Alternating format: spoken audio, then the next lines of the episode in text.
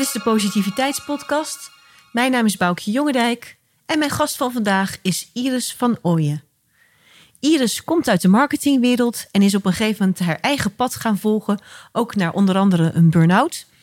En op dit moment houdt zij zich bezig met de persoonlijke uh, ontwikkeling en de carrièreontwikkeling van mensen. En daarbij heeft ze een eigen benadering uh, ontwikkeld, die van de Sweet Power, waar we het in deze podcast ook over gaan hebben. Verder staan we stil bij uh, hoogsensitiviteit. Hoe kan je hiermee omgaan? Hoe kan je het bij jezelf herkennen? En als belangrijkste onderwerp van deze podcast gaan we het hebben over energiemanagement, wat voor een ieder van ons van groot belang is. Zij schreef ook uh, twee boeken: één roman, Poisoned Arrow, en het boek Radiant, in het Nederlands Stralend, met als ondertitel How to Have All the Energy You Need to Live a Life You Love. Ik laat je heel graag kennis maken. Hier is Iris van Ooyen. Hadi Iris, goedemorgen. Goedemorgen. Wat fijn dat je hier bent. Dankjewel. Ja, leuk om hier te zijn. Ja, nou, ik heb uh, al een prachtig boek van je mogen lezen. Uh, heleboel, uh, je bent nog met een heleboel andere leuke dingen bezig. Maar zou jij, voor degenen die jou nog niet kennen, het ja, leuk vinden om je even kort voor te stellen? Zeker. Um, ik ben Iris, ik ben 48. Um, ehm, ik heb al ruim 20 jaar een eigen bedrijf. Ik ben ooit begonnen in de marketing als meisje van Verkade. Ja. Chocolade. Dus uh, we hadden net een stukje chocolade. Ja, precies, daar hou je van. ja, daar ben ik uh, altijd dol op gebleven. Um, begonnen met begeleiden van brainstorm sessies toen ik voor mezelf begon. Van daaruit eigenlijk uh, ja, veel met groepen gewerkt ontdekte dat ik daar uh, eigenlijk uh, aanleg voor had. Mm -hmm. En ontstond eigenlijk heel organisch um, met mensen in de pauze of als er iets aan de orde kwam, um, iets meer de diepte in te gaan. En ik ontdekte dat ik dat eigenlijk ook dat het heel leuk vond, maar dat het ook heel natuurlijk ging. En uh, ja, ik als ik het hele levensverhaal vertel, dan kan nee, het nee, nee, nee, nee. maar weet je wat, wat, wat mooi is bij jou? Van je komt eigenlijk uit een hele corporate uh, wereld. Ja. Je hebt MBA gedaan. Dat vertelde je net ook in, in Amerika. En daarom spreek je ook zo waanzinnig goed Engels. En is je boek ook in het Engels. Ja. Maar het is dan heel uh, leuk om te zien dat jij vervolgens je bent gaan ontwikkelen in eigenlijk een sweet power, waar we straks uh, op komen. Ja. Maar eigenlijk om mensen in hun kracht te gaan zetten. Dus wat je zegt, eigenlijk wat je in de pauze al, nou ja, een beetje uit jezelf deed, ben je dus echt gaan toespitsen op je eigen werk. En dan ben ik heel benieuwd van, um, is daar in jouw leven dan ook een punt geweest waarom dat dan, uh, waarom je dat helemaal hebt losgelaten, de corporate wereld, en, en uh, juist die kant bent gaan uh, benadrukken? Ja, dat is eigenlijk een soort tweetrapsraket. Ik was op mijn 24ste, toen werkte ik nog bij United Biscuits, Verkade. Ja. Burn-out. Door eigenlijk een heleboel factoren, want het is zelden één iets. Het is niet alleen dat je het hard gewerkt hebt. en je was 24, dus echt nog wel ook jong. Echt wel jong. Ja. ja. dus ik werkte daar net een paar jaar.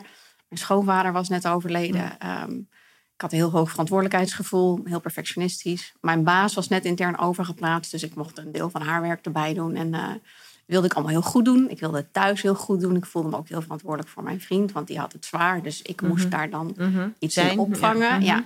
Dus ja, ik stelde veel te hoge eisen aan mezelf en deed veel te veel. Bleek later ook nog dat ik fysiek niet helemaal in orde was. Wat ik pas la jaren later ontdekte. Dus ja, eigenlijk van het een op het andere moment zat ik thuis. En uh, dat was eigenlijk de eerste stap in uh, Mhm. mm -hmm. waar word ik blij van en wat mag ik anders doen om, um, ja, als je nog zo jong bent, dan denk je, ja, zo red ik het niet tot, uh, tot mijn pensioen of tot ik oud ben. Dus er moet iets veranderen. En toen ben ik begonnen onder andere met yoga, ben ik me verder gaan verdiepen in voeding en weer terug naar mijn baan. Dat nog een tijdje gedaan. En um, toen kwam er nog een soort tweede keerpunt. Toen ik dus ontdekte dat ik fysiek niet in orde was. Ik had hypoglycemie. Mm -hmm. Sorry, wat? Ja. Hypoglycemie. Dus ja. dat je bloedsuikerspiegel niet in orde is. Dat je Ja. eigenlijk te veel insuline aanmaakt. En wat, wat heeft dat fysiek dan? eh, Ja, dat je eigenlijk gewoon geen energie hebt. Oh, helemaal geen energie. Ja, het trekt je helemaal leeg. Oh, en eh, je zit, ik, ik wist het niet, dus ik, ik at heel veel suiker, wat eerst helemaal niet opviel. Want ik werkte bij Verkade, dus er lag altijd chocola op mijn bureau. Dus, en dat deed iedereen. En je moest vaak testen, een nieuwe receptuur of de concurrentie. Dus het was eigenlijk een heel natuurlijke omgeving waarin het helemaal niet opviel dat je zoveel uh, zoet Dat consumeerde. viel jezelf waarschijnlijk ook niet op. Nee, helemaal niet. Nee. Nee. en het was vaak ook nog eh, nuttig. In de Ja. zin van, eh, ja, je was met, met z'n allen iets aan het proeven of aan het testen. En zo niet, ja, dan lag het op je bureau en iedereen at daar continu van alles. Dus het was ja, helemaal niet opvallend. Maar toen was ik bij een homeopaat, nou, eigenlijk na, ja, na acht jaar vermoeidheidsklachten die niet te verklaren waren. Eigenlijk, dat is dus na de burn-out geweest. Ja. ja. al na de burn-out. En iemand zei, joh, je moet daar eens heen. Want in het ziekenhuis konden ze niks vinden. Zeiden ze, ja, je hebt moehuidsklachten, maar je bent gezond. Toen dacht ik, ja, maar zo voelt het niet. Wat, Nee. wat is er dan? Het is natuurlijk wel heel fijn dat je dat Niets. hoort. Alleen, Ja. je kon niet... Nee, want ik dacht, ja, dit is niet normaal. Dit, Mhm. dit kan niet. En ik was iemand die vroeger altijd enorm veel energie had. Echt. Ik sliep nauwelijks en ik deed altijd heel veel. Dus ik, het was een heel groot contrast voor mij. Mhm. En bij die homeopaat zei hij van, nou ja, je hebt voor vier uur energie per dag. En de rest doe je op eh, wilskracht. Het was eigenlijk nog een beetje een soort van trots. Dat ik dacht, nou. Lekker eens door, doorzetten ben ik. ja. En toen zei hij, en daarmee beschadig je je organen. En dat was echt dat ik dacht van, wauw. Ja, ik krijg er weer kippen van als ik het zeg. Dat was echt zo'n wake-up call. Dat ik dacht, Ja, want kan je dat anders. misschien ook voor... eh, kan je dat uitleggen? Want wat gebeurt er dan in je lijf? Want je gaat... je forceert jezelf zo erg dat Mhm. je, je, je trekt jezelf leeg, zeg maar, voorbij eh, je normale balans. En daardoor doe je heel veel op eh, adrenaline en zit je continu eigenlijk in een overlevingsstand. Oh. En dat is voor even wel oké, maar te lang. En dan, dan pleeg je gewoon roofbouw op je lijf. Ja, ja, ja, ja. Jeetje, ja. En daar kwam je achter door eh, dit traject aan te gaan. Ja. Dat je, eh, en, en, en daarin he- heb je daarin iets gevonden. Ja, want hoe ben je op een gegeven moment weer in een eh, goede flow van je energie terechtgekomen? Is dat door voeding geweest of is dat Door, door een ja. Met, door middel van zeg maar, het advies van die homeopaten. En, ik kreeg een aantal eh, ondersteunende dingen, wat ik niet meer precies weet. want Dat is inmiddels heel lang geleden. Maar eh, ik moest meteen stoppen met eh, suiker, witmeel en gist. En dat was een soort cold turkey stop. Hij zei ook van, nou, je krijgt waarschijnlijk een soort afkikverschijnselen. Net of je grieperig bent. Mhm. Dat was ook zo. Ehm, en, maar ik kon wel die knop omzetten. Dus even van de een op de andere dag heb ik het helemaal laten staan. Me verdiept in, ja, wat dan wel? Wat kan ik dan wel eten? Want er viel ook heel veel soorten brood af. Want er mocht geen gist in zitten en geen Mhm. witmeel. Nou, dan denk je bruin brood. Maar dat, en zeker toen moest helemaal speciaal besteld worden. En eh Mhm. nou, daar kon je eruit mee ingooien. Dat was, Zo. dat was verschrikkelijk. dus, en daardoor kwam ik ook tot ontdekking van... ja, maar, maar wat wil ik eigenlijk met mijn leven? En ik was eh, aan het solliciteren voor nieuwe banen op dat moment. En, en toen dacht ik, ja, ik moet gewoon even de stekker eruit trekken. Ik moet even focussen op mezelf. En op wat ik nu nodig heb om eh, gezond te worden. Want mijn gezondheid komt nu gewoon eerst. En toen heb ik de, ja, ook de luxe gehad om de tijd te kunnen nemen... om ehm, eventjes helemaal niks te doen. Mhm. Behalve te focussen op mijn gezondheid. Mhm. En in dat proces kwam ik eigenlijk tot de ontdekking van... ja, maar wat ik ontzettend leuk vind is die eh, creativiteit... en die creativiteitsdenktechnieken. En van daaruit ben ik toen de opleiding begonnen voor... eh, ehm, ja, deskundig in het hanteren van creativiteitsstimulerende denktechnieken. Wauw. Zoals we dat mooi noemen in Kunnen we dat nog volgen? Ja.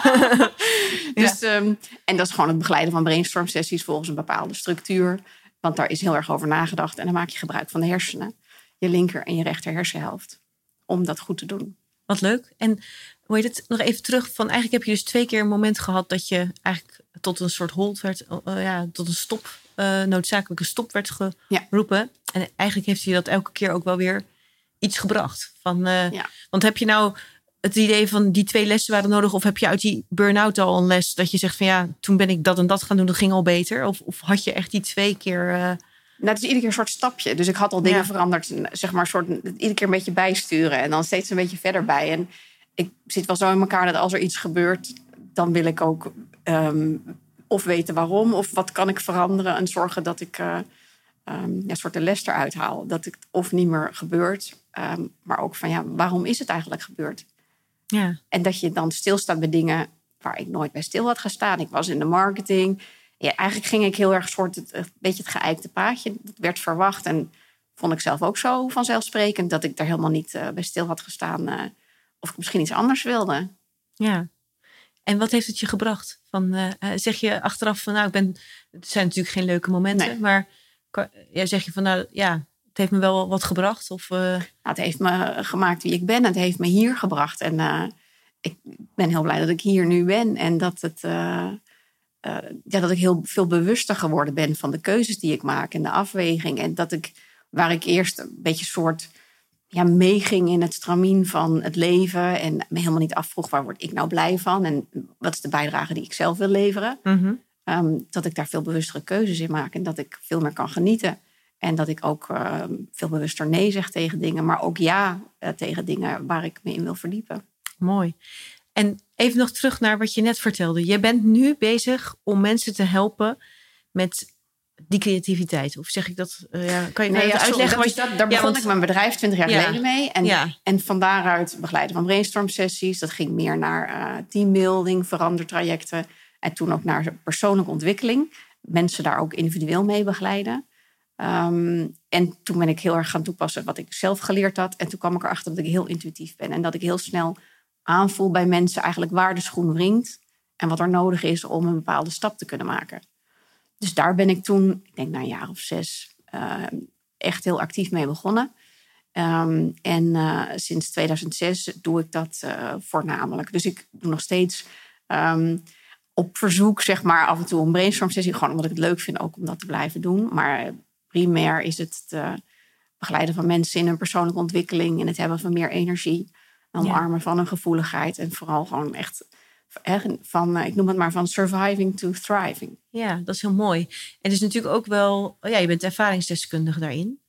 Dus je hebt waarschijnlijk ook zelf een, uh, een behoorlijke zoektocht ook gehad vanaf ja. je 24ste naar waar je nu staat.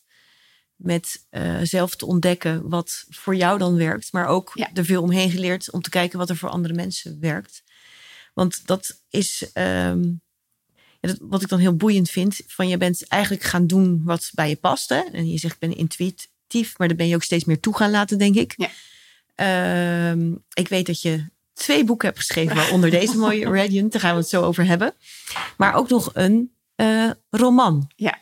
Want hoe, hoe ben je bij dat schrijven? Is dat, is dat hier meegegroeid? Of uh, hoe ben je tot dat schrijven gekomen? Want dat is dan niet per se je werk geweest uh, in eerste instantie. Nee, ik schreef wel mijn nieuwsbrief en, en uh, wat artikelen voor mijn blog en zo.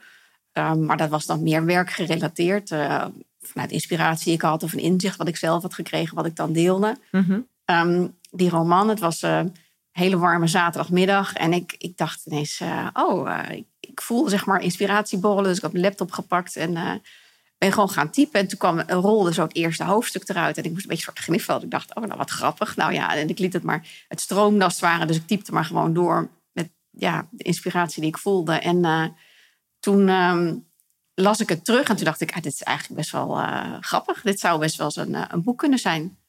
Nou, en er zat eigenlijk nog een stap daarvoor. Een paar weken daarvoor was het een moment dat ik... Weet je, zodat je net voordat je in slaap valt. Mm -hmm. En toen hoorde ik drie zinnetjes... En toen dacht ik, oh, die moet ik opschrijven.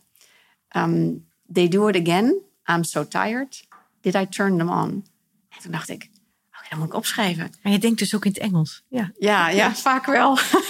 ja? ja. En die drie zinnen heb je opgeschreven? Opgeschreven, naar de woonkamer gerend, op een envelop geschreven. En de volgende ochtend zag ik dat en toen dacht ik, oh, dat kan wel eens een boek zijn.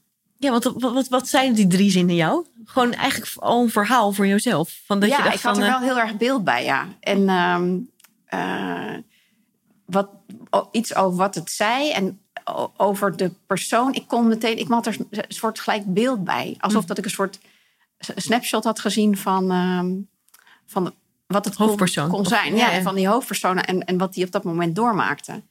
Dus toen ik een paar weken later de inspiratie voelde om te schrijven, dacht ik, oh, nou wat grappig. Dus dat heb ik toen gedaan. En daarna dacht ik, ja, weet je, als ik nou een keer tijd heb, dan, uh, dan lijkt me dat best een keer leuk. Ja. En ja, ik had duizend en één dingen te doen en dat leek helemaal geen prioriteit. Dus um, komende jaar helemaal niks aan gedaan. Maar er waren wel momenten waarop ik er aan herinnerd werd. Dat ik dacht, oh ja, dat boek, ja, dat moet ik nog een keer schrijven. Dat wil ik nog een keer schrijven. Tot ik na een jaar dacht, weet je, het is helemaal niet logisch. Ik heb helemaal niet de ervaring of uh, um, de kennis om een roman te schrijven. Maar het lijkt me gewoon leuk. ik ga het gewoon doen. Ja. En toen heb ik voor mezelf een deadline uh, gezet. 1500 woorden per dag. Oké, okay, ja. Tot ik de first draft klaar heb. En hoe deed je dat? Ergens in de ochtend? Of, uh... Nou ja, dat wisselde een beetje hoe mijn agenda liep. Ja. Um, maar ook in het weekend. Ik heb alleen met kerst vrijgenomen. Maar echt achter elkaar. En dat was voor mij de manier om erin te blijven. Dus dan herlas ik zeg maar wat ik gisteren had geschreven. Mhm. En dan tegen de tijd dat ik bij de laatste paar zinnen van gisteren was, dan wist ik hoe het verder ging. Oh ja. En dan eh, Ah, leuk. Ja. En even voor de luisteraar ook. Hoe heet je eerste boek? Poisoned Arrow. Ja, wauw. Van, ehm, ik had nog een stukje eh, ergens over jouw boek gelezen. Mag ik dat voorlezen? Ja. Dat vond ik wel mooi. Gesteund door haar beste vriend Auran worstelt Iris om haar lot te accepteren. Dus dan heb je Iris. Maar wanneer hun schuilplaats wordt doorboord met giftige pijlen uit het verleden, moet ze kiezen of ze naar haar hart wil luisteren of haar vloek in een geschenk wil veranderen, zoals ze de kracht van binnen vinden. En dat vond ik een heel mooi stukje. Maar ik, ja, ik dacht toen ook aan jou. Ja, omdat het over Iris gaat. Ja. Ik vond het ook heel mooi van... eh, de, gaat ze nou naar haar hart luisteren? Als ik jou een beetje jouw levensloop zo in het kort net mag horen. Ja. Dan denk ik, ja, je bent ook naar je hart gaan luisteren. Eh, heb jij die kracht van binnen gezocht? Is het een soort van ook...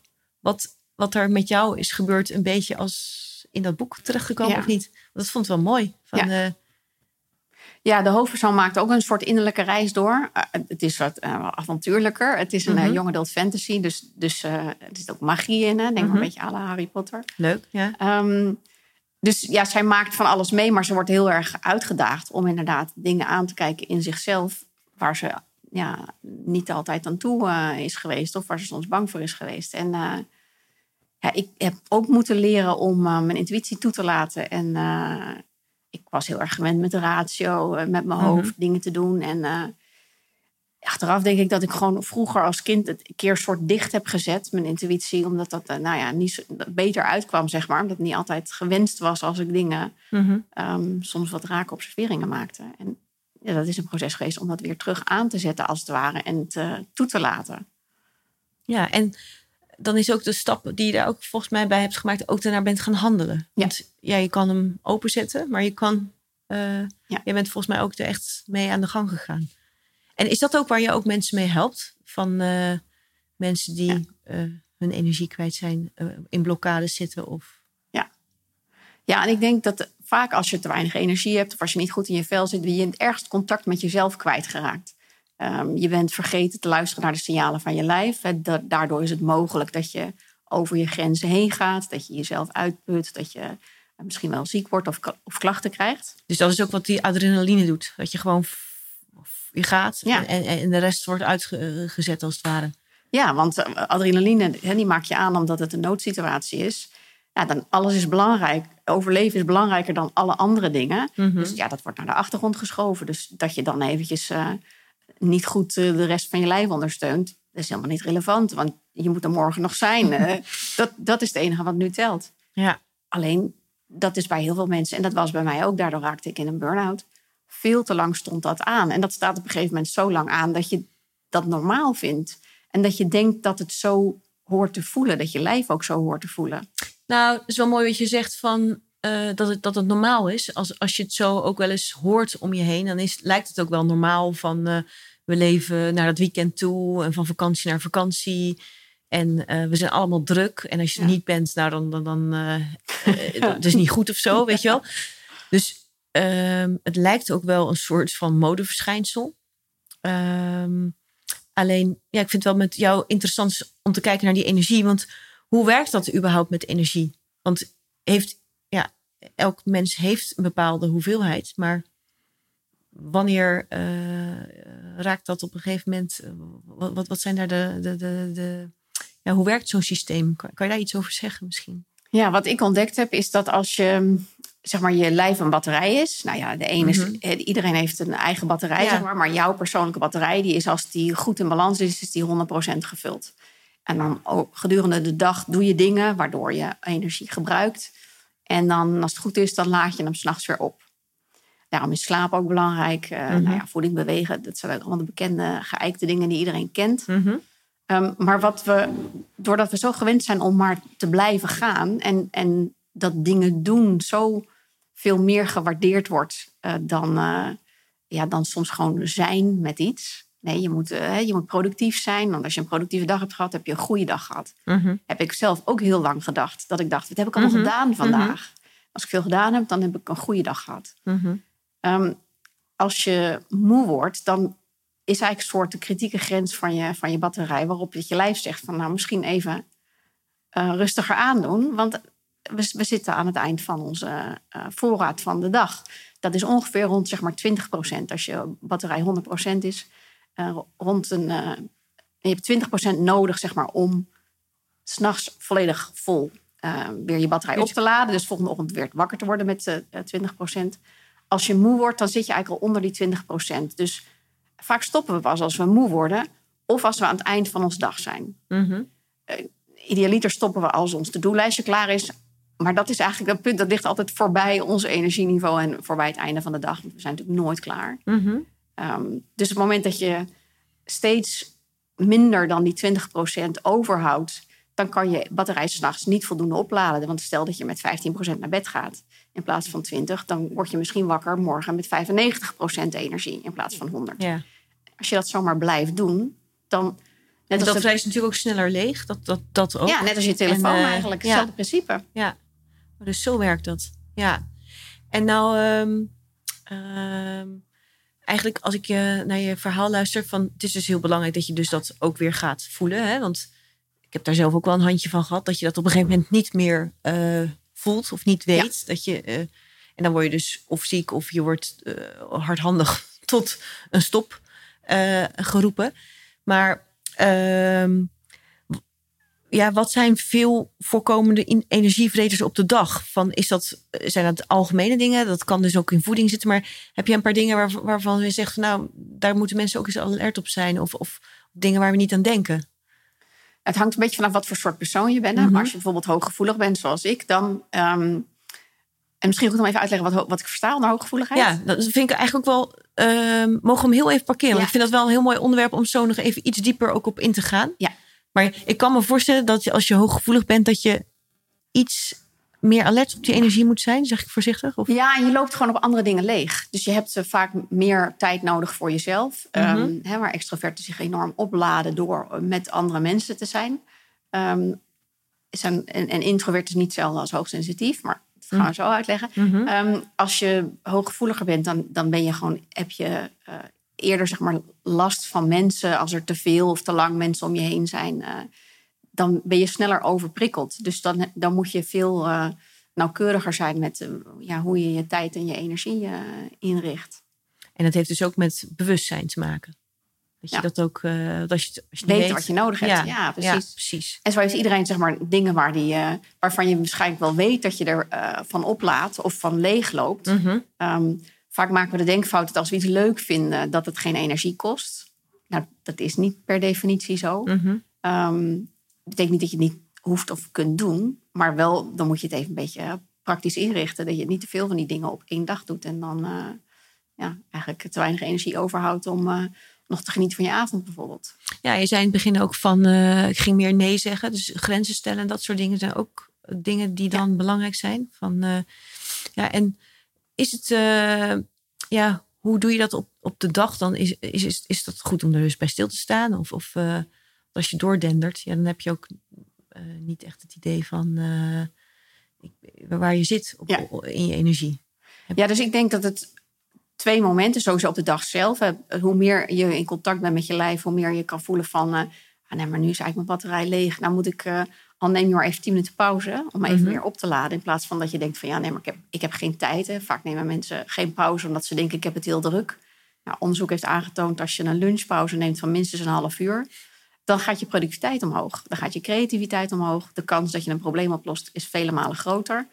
Um, maar heel vaak doen mensen dat niet, omdat ze het zichzelf niet toestaan. Omdat ze denken, als ik maar bezig blijf, dan krijg ik vandaag meer gedaan. En dat, dat is dus niet waar. Eventjes die pauze nemen, eh, even weg van je bureau.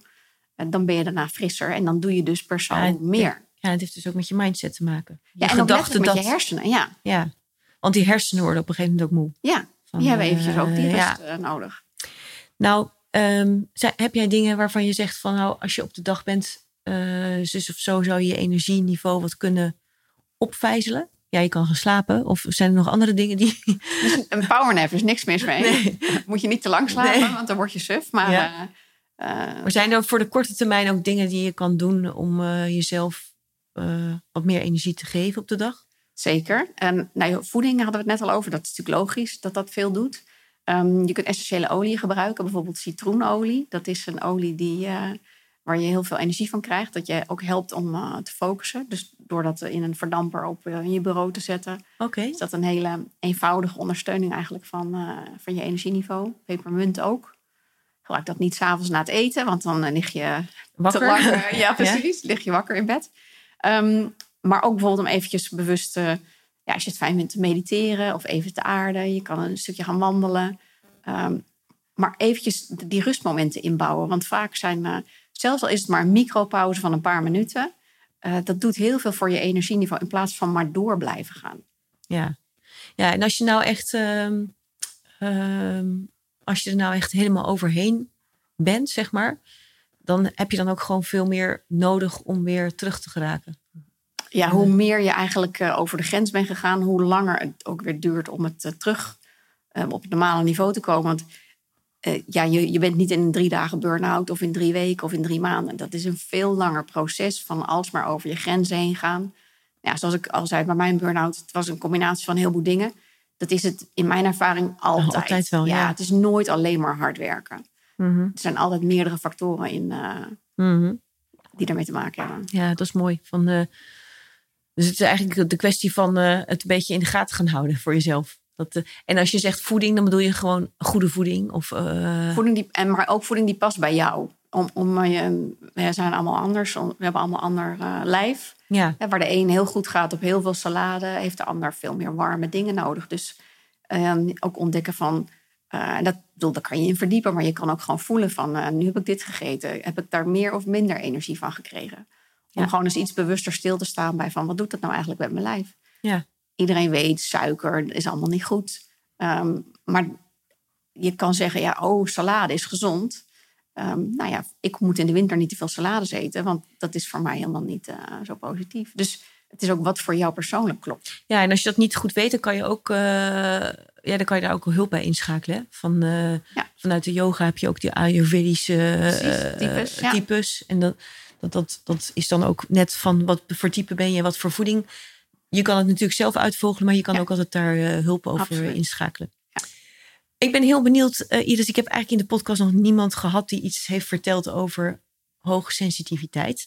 En ik weet daarbij ook van, ja, niet iedereen heeft daarmee te maken. Maar ik denk dat in zijn algemeenheid is sowieso een hele interessante vraag van uh, wanneer ben je dat en hoe kan je erachter komen? Want uh, ik heb ook wel eens ergens een, een, cursus gehad en toen dacht ik daarna ook van, oh, dat hoort er ook allemaal bij. Dat, dat is ja, soms ook niet helemaal duidelijk of weten mensen niet eens dat ze daarmee Ja. te maken hebben.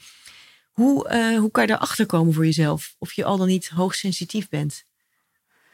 Um, nou ja, er zijn gewoon testen die je voor kan doen. Ik heb bijvoorbeeld een sensitivity quiz ontwikkeld. Die kan je doen als je de vragen beantwoordt. Dan krijg je Oké, okay, die staat op jouw website. Ja, een indicatie van uh, hoe, je, uh, hoe sensitief je, je bent. Ja. Um, Elaine Aron is eigenlijk een beetje de grondlegger van het begrip uh, highly sensitive person, HSP ook wel Mhm. genoemd.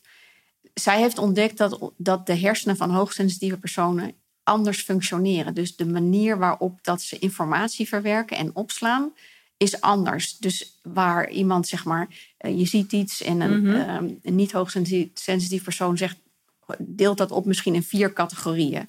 En dan iemand die wel hoogsensitief is, die maakt er tien categorieën van. Dus die ziet veel meer details en veel meer nuances. Uh, waardoor dat er uh, ook veel meer informatie wordt opgeslagen. En je kunt je voorstellen dat je dan veel eerder overprikkeld bent als je veel meer informatie opneemt en vasthoudt dan wanneer je dat niet doet. Dus dat is ook een gewoon hele praktische reden. En ik vond het zo'n opluchting, want ik dacht, oh, ik ben niet gek. Ik heb vaak gedacht van uh, uh, vroeger dat ik bijvoorbeeld leegliep soms op dingen. Uh, dat mijn broertje zei van, ah, stel je niet aan, of daar heb je er weer, of doe niet zo moeilijk. Ja. Zet je er even overheen. En dat andere mensen geen last hadden van de dingen waar ik wel last van had. Dat ik echt dacht van, ja, ik doe iets niet goed. Want, uh, En was jij dus eigenlijk blij toen dat uh, voor jou duidelijk werd? ja, heel erg Want blij. Hoe werd het duidelijk voor jou? Um, ik was op een, uh, een workshop en een dame zei tegen mij, je moet me bellen. En ik voelde dat ze gelijk had. We hadden ook een leuk gesprek gehad. Mhm. En aan het, dat, aan het eind zei ze dat. En nou, intuïtief wist ik dat wordt een soort uh, uh, levensveranderend gesprek. Dus ik heb drie maanden gewacht met haar bellen. Omdat je het spannend vond. ik voelde hem al aankomen. En toen zei ze, ze zei ja, ik, eigenlijk uh, twee dingen. het wordt tijd dat je wat met je intuïtie gaat doen. en toen dacht ik, intuïtie, hoezo? ik was er helemaal niet zo bewust van dat ik, dat ik ja, eigenlijk heel intuïtief ben. Mm -hmm. um, en toen kwamen we dus op hoogsensitiviteit. En zei ze, ja, je bent hoogsensitief. Zei ik, hoezo, wat is dat dan? En toen vertelde ze een paar dingen. En toen vielen er zoveel kwartjes. We hebben uiteindelijk drie uur gesproken. Heel veel herkenning voor jou. Zoveel herkenning. En, en eigenlijk ook wat je net zegt, dat je broer zei, joh, doe niet zo gek of uh, doe niet zo flauw. Dat, dat jij gewoon daar wel last van had. Ja. ja. Ja, en ook jaren later, nu snap ik ook dat hij het niet snapte. Want als, als, dat is zoiets als iemand die kleurenblind is en dan uitleggen wat voor kleuren je ziet. Mhm. En die ander denkt van ja, hoezo, waar heb je het over? Mhm. Um, en dat is dan iets wat zeg maar een, een, een diagnose is. Dus dan, dan, dan snap je misschien wel dat je niet precies ziet wat de ander ziet. Maar daar vergelijk ik het maar mee. Ik ben niet kleurenblind. Maar omdat je dan niet kunt zien wat de ander wel ziet of in dit geval voelt en ervaart. Ja, en ehm, moet even nadenken hoe ik dat zeg. Ja, wat ik heel leuk vind, is dat jij het ook hebt uh, beschreven als jouw superpower. Ja. En dat vind ik mooi, ook, ook in, natuurlijk in het kader van de positiviteitspodcast. Maar ik vind het altijd mooi dat mensen iets waar ze eerst tegenaan lopen en denken van, oh, daar heb ik last van en uh, dat zit me in de weg. Dat dat dus eigenlijk ook iets, ja, iedereen is best wel uniek. En Ja. dat het je dus ook heel veel kan brengen. Want wil jij eens vertellen hoe jij dat ziet? Hoe jij dit, dat als superpower ziet voor mensen? Ehm, ja, nou, en ik kan voor mezelf vertellen hoe ik dat voor mezelf zie. Is omdat ik hooggevoelig ben, pik ik meerdere dingen op. Vroeger had ik daar alleen maar last van, omdat ik eigenlijk nog niet wist hoe ik ermee om moest gaan en hoe dat ik dat kon filteren en soms ook als het ware kan dichtzetten. En hoe ik met je de prikkels kan managen. Dus ik was permanent overprikkeld. En als je permanent overprikkeld bent, nou, je, dan heb je er dus helemaal geen voordeel van, want je hebt er alleen maar last van.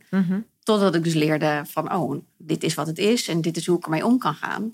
Uh, toen kwam ik tot ontdekking dat ik daardoor um, eigenlijk mijn intuïtie heel goed kon laten spreken. Dat ik, dat ik dingen aanvoelde bij mensen. Dat ik, dat ik dacht van, uh, um, oh nee, volgens mij moeten we hier uh, naar links of moeten we daarover hebben. Of, heb, heb. Mm -hmm. En dus toen ontdekte ik dat ik eigenlijk een soort extra dimensie kon brengen in, uh, in gesprekken met mensen, maar ook in uh, begeleiding van mensen. Omdat je ja, een soort extra zintuig hebt wat uh, heel waardevolle informatie geeft. Ja, dat is mooi hè? En, en dat, dat help, je, help je nu ook mensen mee om dat te vinden en Ja. in te zetten. Ja, en heb je dan ook nog een tip hoe je dan je een beetje beschermt tegen die prikkels? Want ja, ik kan me ook voorstellen als er heel veel binnenkomt, dan is het op een gegeven moment, als we het over energie hebben, dan raak je misschien wel net iets sneller uit je energie. Ja. Omdat je net wat meer uh, er last van hebt. Ja. Zijn er dingen waarvan je zegt, nou kan dat poortje zo dicht zitten en doe ik dit of dat? Of is, is dat te simpel? Heb jij een, uh, is er iets waar, waar, waar, mensen iets aan hebben van uh, wat ze kunnen doen? Ja, nou los zeg maar van over de dag voelen en ja. de week gewoon iets praktischer plannen. Dat je zorgt dat je niet alle prikkels op één dag doet, maar dat je dat een beetje verspreidt. Als je weet dat je het, s ochtends misschien even um, goed kan werken en dat je dan smiddags de afspraken doet. Dat het niet zo erg is als je daarna er wat moeer van bent, want dan heb je dat creatieve stuk in de ochtend al gedaan. Maar wat voor mij heel erg helpt is um, ja, om te visualiseren dat ik een soort gordijntje dichtzet tussen mij en die andere persoon. Als ik een soort rolgordijn dichttrek. Uh, stel dat ik, dat wil ik nou niet doen, maar stel dat ik dat zou willen doen, dan doe ik hem ook even dicht. Wordt een leuk gesprek. maar bijvoorbeeld in het vliegtuig, dan doe ik dat heel bewust, want dan zit je altijd naast iemand. Wat grappig. Heb je ook die energie, die voel ik dan ook, daar heb ik niet altijd zin in. Nou, ja. Dan denk ik van, nou, doe even een soort. Uh... Ja, is dat, is dat ook iets uh, vergelijkbaars met als je de dag eindigt en je gaat onder de douche staan en je spoelt Ja. even de, Even de dag de dingen van van je af? Ja, absoluut. Ja, ja. Ja, en dat doe je dan gewoon bewust en dat, dat helpt in uh, het afschermen van. Ja. En de ander weet het niet. Dus, uh, nee, niemand heeft er last van. Die heeft helemaal last van. Nee. Nee, ja, wat jij zegt van net dat onder de douche afspoelen, dat is absoluut een hele goede, zeker voor. Uh, Volgens mij heb ik die ook in jouw boek gelezen. dat van, klopt. Ja. ja, en, en ook voor vaker gehoord. Ik vind het ook wel mooi symbolisch. Het water. Ja, Spoelt even, laat het dan even allemaal. Ja. alles wordt even schoon. Van, ehm, mooi. Dus eigenlijk is het ook, uh, ja, is het ook gewoon je superkracht. Alleen daar kom je pas ja, achter als je het ook eh, durft toe te laten. En als je het bewust kan inzetten. Dus als je het uh, eerst overkwam het maar meer als het ware. Nou, dan heb je er vaak last van. Veel mensen hebben er ook last van. Omdat ze ja, ge geen idee hebben dat ze hoogsensitief zijn. En dat de dingen die ze voelen, ja, dat, dat dat een reden heeft. Maar ook dat je daar ja, wel een beetje sturing in kunt, kunt vinden. Ja, en is dat dan ook ehm, vanuit hoogsensitief zijn dat je juist ook uh, ideeën hebt voor zo'n boek. En dat er gewoon ook een groot creatief uh, deel aan hangt, of niet? Dat heb ik wel ja, het idee. Van... Ik wil niet zeggen dat, dat niet hoogsensitieve mensen niet creatief zijn, maar daar zit vaak wel een, een connectie. Dat, er, dat veel hoogsensitieve mensen zijn creatief, hebben een, een goede connectie met hun intuïtie. Uh, en staan ook meer, meer open. Ook ja, als je letterlijk meer ziet en meer observeert, dan er zijn natuurlijk ook meer dingen die je kunnen inspireren. Leuk, ja, leuk. En eh, toen dat bij jou zo, uh, wat, wat, op het moment dat jij dat hoorde, wat, wat dacht je toen? Van, uh, toen viel alles op zijn plek? Of, of ja. ja. Ja. ik dacht, oh, ik ben niet gek. Dat is ja. misschien een van de belangrijkste dingen dat ik dacht, ik ben niet gek. Nee, en wat ik daar ook nog wel een belangrijke van vind, misschien weet jij dan hoe je daarmee om kan gaan. Als je nou net het voorbeeld noemt, dat andere mensen dan denken van, oh, kunnen andere mensen daar op een goede manier rekening mee houden? met iemand die daar, uh, moet je natuurlijk eerst allemaal van elkaar weten. Of, nou, daar begint het mee. Ja. ja. Dus ik denk dat, want 20% van de bevolking is hoogsensitief. Dus oh, dat, is veel. Dat zijn best wat mensen. Ja. Uh, dus ook voor, uh, voor het werk. Ik denk dat onbewust uh, heel veel in, hoogsensitieve mensen misschien wel een, een, werkplek uiteindelijk opzoeken waar ze dan wat minder overprikkeld worden. Um, maar ik in eerste instantie helemaal niet, want ik zat daar natuurlijk op de marketingafdeling in een groot bedrijf. um, En kijk, het scheelt natuurlijk ook nog, zit je 100% goed in je vel, ben je helemaal fit, dan kan je natuurlijk ook veel meer hebben dan wanneer het net even wat minder gaat. Dan krijg je een soort klap op klap. En dan is het, ja, dan komt het extra hard binnen en is het extra zwaar om te doen. Dus ik denk dat het helpt om, uh, en dat adviseer ik mensen ook in mijn boek, op het moment dat je ontdekt, ik ben hoogsensitief, vertel het aan de mensen om je heen, probeer uit te leggen wat het is, uh, zodat zij het ook kunnen snappen. Um, en als je dan weet wat jou helpt, is het goed om dat ook te vragen. En uh, ik weet. En ook te zeggen. Ja, te zeggen, ja. Mm -hmm. Te benoemen. En ik weet dat als ik zelf heel overprikkeld ben, kan ik snel geïrriteerd raken. Dat hebben de meeste mensen natuurlijk als je overprikkeld bent. Mm -hmm. Dus dan is het lastiger om heel um, genuanceerd iets uit te leggen. Dan denken ze gewoon, je bent uh, zagrijnig. Ja. ja. Dus als je dat gesprek al eerder een keer hebt gehad, ja, dat helpt. Dan, dan helpt het voor de ander om het te herkennen. Maar misschien kan je ja, wij spreken een soort codewoord afspreken. Dat je zodat ze weten van, oh ja, wacht, die is nu eventjes... E-, die heeft even rust en ruimte nodig. Dan kunnen we beter later op terugkomen dan dat we nu doorduwen. Los van uh, dit item, denk ik zo al pratende... dat het sowieso al heel mooi is als je uh, tegen elkaar zegt... of je omgeving zegt van waar je op dat moment mee loopt te stoeien. Ja. Dat dat gewoon heel veel ook in de communicatie uh, helpt. Van als je even niet lekker in je vel zit ja, en je zegt het, dan is er en hulp en mensen laten je misschien even gaan of gaan niet bovenop je huid zitten. Dus ja. Uh, denk ja. ik sowieso een heel leuk. Open durven zijn, ja. Dan zou ik het eens even heel graag over dit mooie boek willen hebben. Radiant. Dus dat is stralend, hè? Van, uh, ja. Waarom heb je het zo genoemd?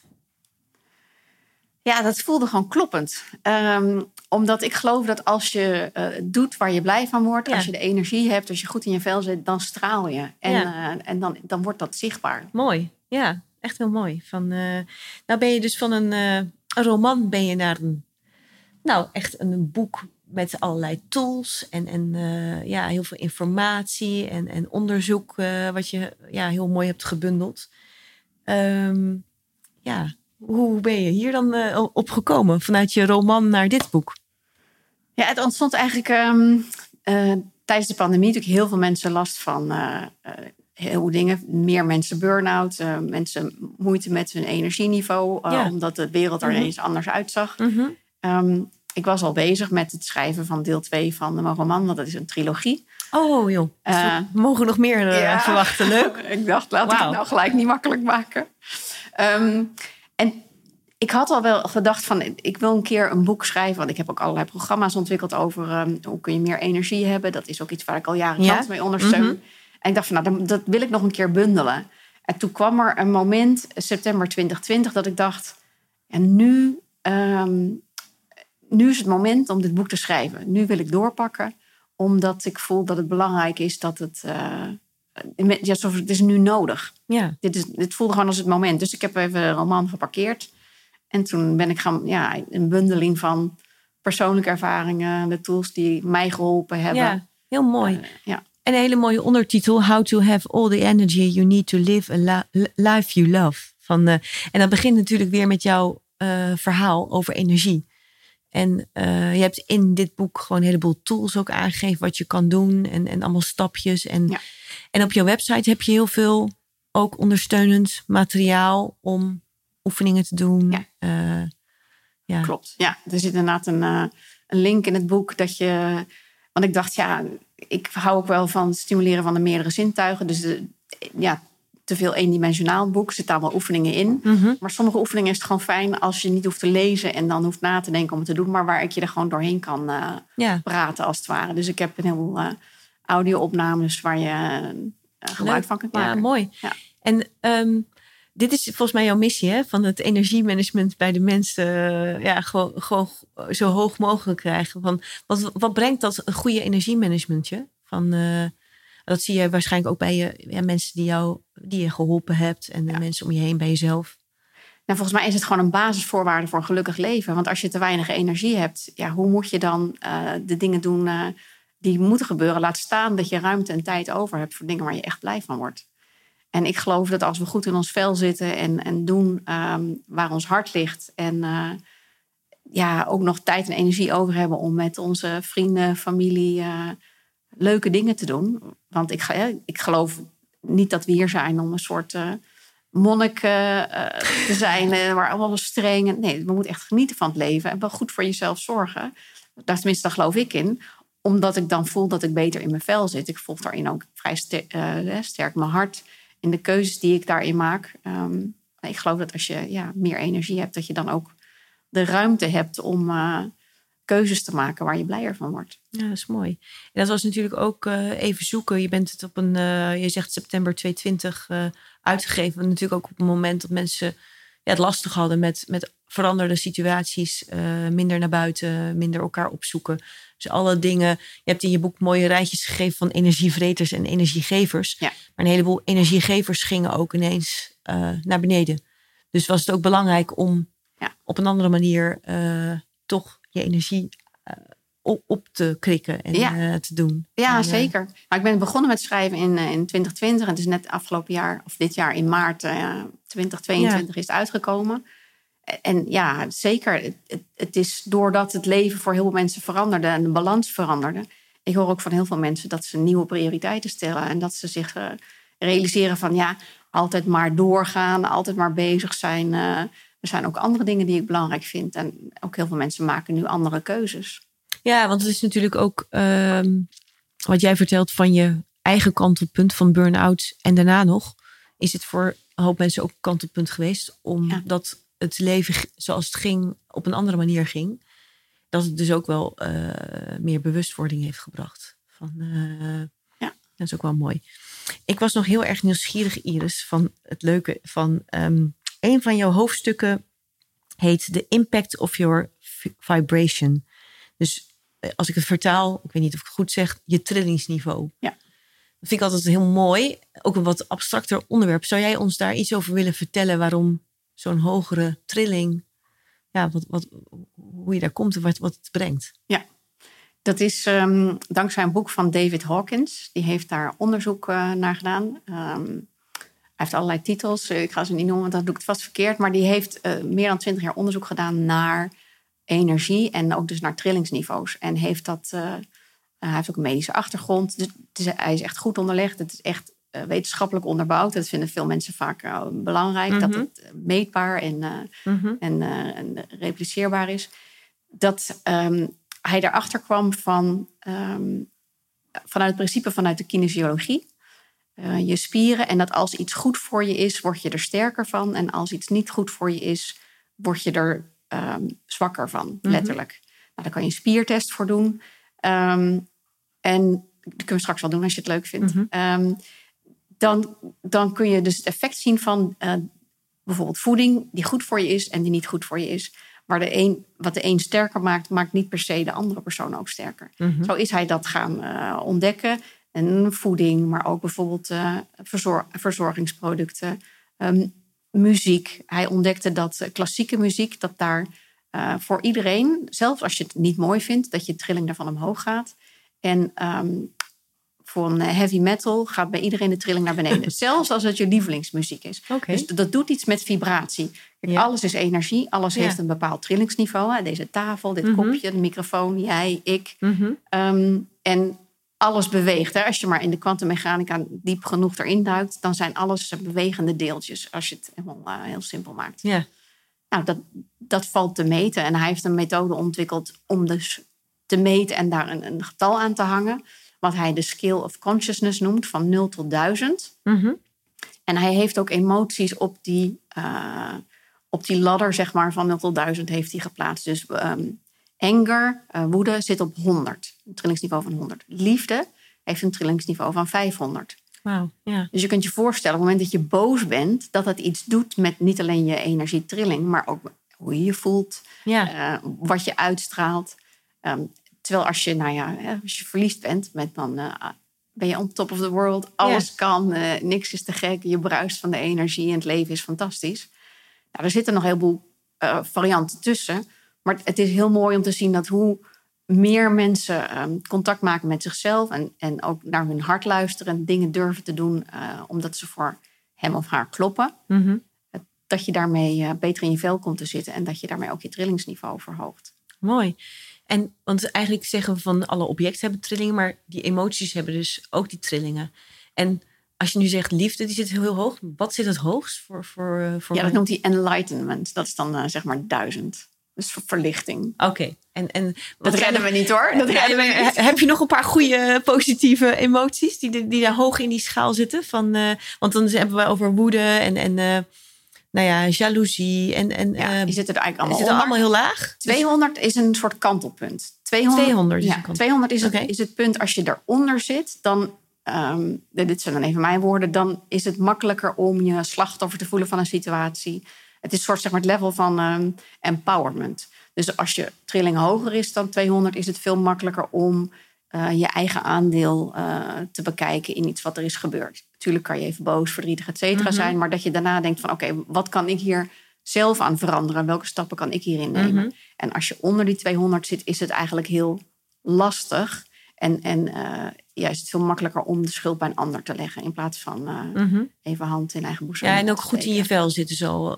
Dan ook boven die 200 eh Ja, meer. dus dat gaat eh, steeds meer ja. omhoog. En, en dan wijsheid is, en ik weet het niet allemaal uit mijn hoofd, maar wijsheid. En dat, en dat is geloof ik 400. En hij heeft dan ook laten zien, zeg maar bijvoorbeeld, eh, waar de frequentie van Einstein en van allemaal ook bekende mensen, dat je kan zien, nou, die, dat is dan rondom wijsheid, dat je denkt van ja, nee, logisch, want dat is echt een, iemand Oh, die mooi. straalt dat ook uit. En, Ja, ja, ja.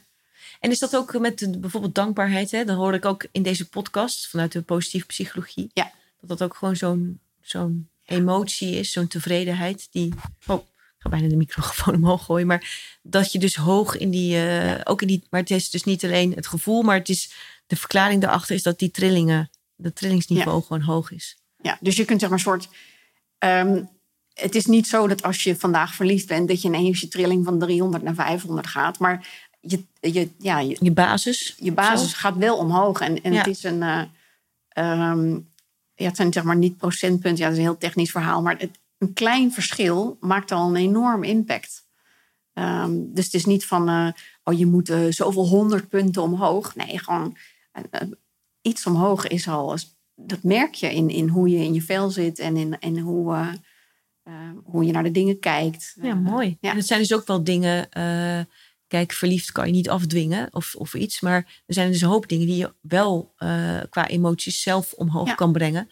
Eh, ja, ook lief voor jezelf zijn. Ja, lief voor jezelf. Ja. Volgens mij begint het daar altijd mee. Ja. En ook lief voor anderen zijn. En, maar er zijn dus een hele hoop dingen die je dus zelf kan doen. Om in ieder geval dat gevoel omhoog te krijgen. Ja. En dat is wel mooi. Ook als je wat slechter in je vel zit. Om ook daar eens over na te denken. Van wat kan ik nu doen. Ja. Om eh, wat beter, me wat beter te voelen. Of wat beter... eh, Ja. Ja, precies. En dankbaarheid is daar een heel krachtig eh, Ja. instrument voor. Leuk. Ja, leuk hoor. Van, eh, heb jij zelf nog dingen die je wil, eh, aanvullen? Jeetje. Volgens mij ben je nog met je derde boek bezig. Dat, en uh, dat is misschien wel leuk voor de luisteraar ook. Is dat, dat, dat is ook dat is dus een, het tweede deel. Ja, van de roman, ja, ja, zeg maar van de trilogie. Daar ben ik halverwege mee met de first draft. Dus dat duurt nog wel even voordat die verkrijgbaar is. Maar de, ja, dat is heel erg leuk om te doen. En ik heb ook heel erg veel geleerd van dat schrijfproces. samenwerking met een Amerikaanse editor ja, ontdek je dat schrijven echt een ambacht is. En dat het schrijven van een, nou, zo'n boek als Radiant compleet anders is dan het schrijven van een roman. Want in een roman zitten er zoveel lagen, dingen waar je rekening mee moet houden. Want het gaat om de opbouw van het verhaal, die moet kloppen. De ontwikkeling van de hoofdpersoon moet kloppen. De tone of voice van de ene hoofdpersoon moet congruent zijn ehm, met die persoon, maar ook met de ontwikkeling die hij of zij doormaakt. Zodat je als je een dialoog ziet, dat je weet, oh, dat is uh, Boukje en dat is Iris. Ja. Want het klinkt als Boukje en Iris. Dus op het moment dat je ehm, ja, een boek leest en je denkt iedere keer... Wie, was wie, wie zei het nou? Ja, dan is dat eigenlijk net niet helemaal goed uit de verf gekomen. Want je zou eigenlijk moeten herkennen uit de, de woorden, de zinsopbouw, de type dingen die iemand zegt, zou je moeten kunnen herkennen van, oh, maar dit is Boukje. Want dat zou Iris nooit zo zeggen. Oh, grappig. Ja. Oh, wat leuk. Ja, wat leuk. Dus daar ben je nog lekker mee aan de slag. Ja, en daar leer ik nog steeds enorm veel van. Want uh, ja, dat, dat is een, eigenlijk een eindeloos groeiproces. Maar dat vind ik heel leuk om te Ja, leuk. Ja. En uh, verder uh, kan jij nog aan de luisteraar ook vertellen waar je mensen mee kan helpen? Van voor wat voor soort dingen kunnen mensen naar jou toe komen? Um, nou, je had het straks over sweet power. Wat ja, ik, mijn... dat hebben we nog niet. Dat vind ik zo'n mooie term. Want dat heb je denk ik zelf bedacht. Sweet power. Ja. ja. Ik kwam een beetje ook uit mijn eigen uh, groei. Op het moment dat ik toen bij de homeopaat zat... die zei, je doet dingen op wilskracht. Nou, ja. hè, letterlijk nog even heel erg trots op geweest. Ja. ik doe het. Ik, ik kan doorzetten. Nou, ik mhm. weet dat ik door kan zetten. En dat ik dus zo door kan zetten... dat ik mezelf helemaal kapot kan maken. Dus dat was niet de manier voor mij om mijn leven te leven. Dus de, zeg maar de, de de kanteling van, van willpower naar sweet power. Waarin willpower is heel erg geforceerd en doen en uh, mm um, vanuit kracht en, en uh, ja, meer soort bijna, je ziet het in mijn handen, een beetje soort verkrant. Ja, ja. Waarbij sweet power is veel meer vanuit de flow, vanuit je gevoel, vanuit je intuïtie, vanuit vertrouwen dat dingen goed komen. Niet vanuit controle, maar vanuit uh, overgave. en niet van oh lila lila, maar gewoon het vertrouwen hebben van, nou weet je, het komt op het juiste moment en ik voel wat ik daar vandaag aan kan bijdragen. In plaats van vandaag moet het opgelost zijn. En die sweet power, ja. Mooie term. Ja, ik word er zo blij van. En dat is iets wat zo anders voelt als je vanuit je. Ook het woord is heel anders. Ja, vanuit je sweet power dingen kunt doen en zo in het leven staat, dan uh, ja, wordt het leven zoveel aangenamer. En uh, ja, je moet heel de dag met jezelf. Uh, doen. Dus het is wel fijn als je daar een beetje blij gaat. Ja, ja, zeker. Van, uh, nou, misschien is het ook wel mooi om uh, meteen een bruggetje te maken naar je tegeltjeswijsheid. Ja. Wil je die vertellen aan ons? Van, Ja. Um, that which brings you most joy is what will bring you the most. Ja.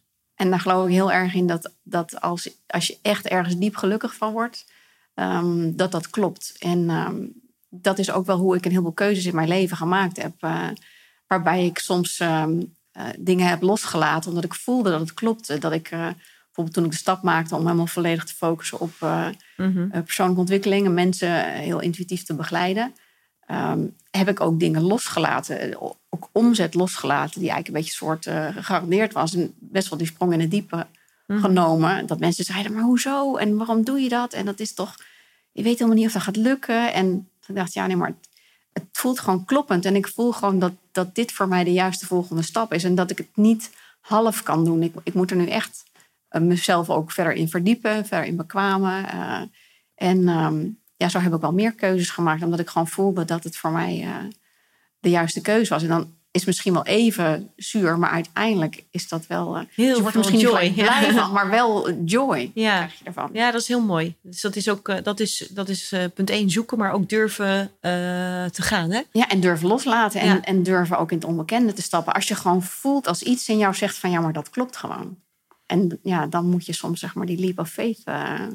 Ja, en het is ook wel, je hoeft daar ook niet altijd gelijk in te krijgen, hè? want dat is ook nog zoiets van stel je doet het, je volgt helemaal je hart en het is uiteindelijk een toch niet helemaal, dan is dat ook niet erg, maar je hebt het wel gedaan. Ja. En, uh, want het is natuurlijk niet altijd per se een succesverhaal. Maar ik denk dat als je je eigen paadje volgt van, uh, en uh, je hart volgt, dat het in de, onze keuken hangt zoiets van als je hart volgt, alles wat als je hart volgt, dat klopt. Maar het is ook gewoon zo. En, maar dat hoeft niet altijd succes of, of veel geld. Of, maar als het maar die joy betekent. En soms is de joy ook al dat je het gewoon hebt gedurfd en hebt gedaan. Van, Nee, precies. En het hangt ervan, wat is je definitie van succes? Hè? Succes is niet natuurlijk altijd uh, iets status of uh, iets groots. En soms zijn dingen ook, um, ja, dat noem ik dan stepping stones. Dan is het een, een, stapje wat je mocht nemen omdat je onderweg bent naar een volgende stap.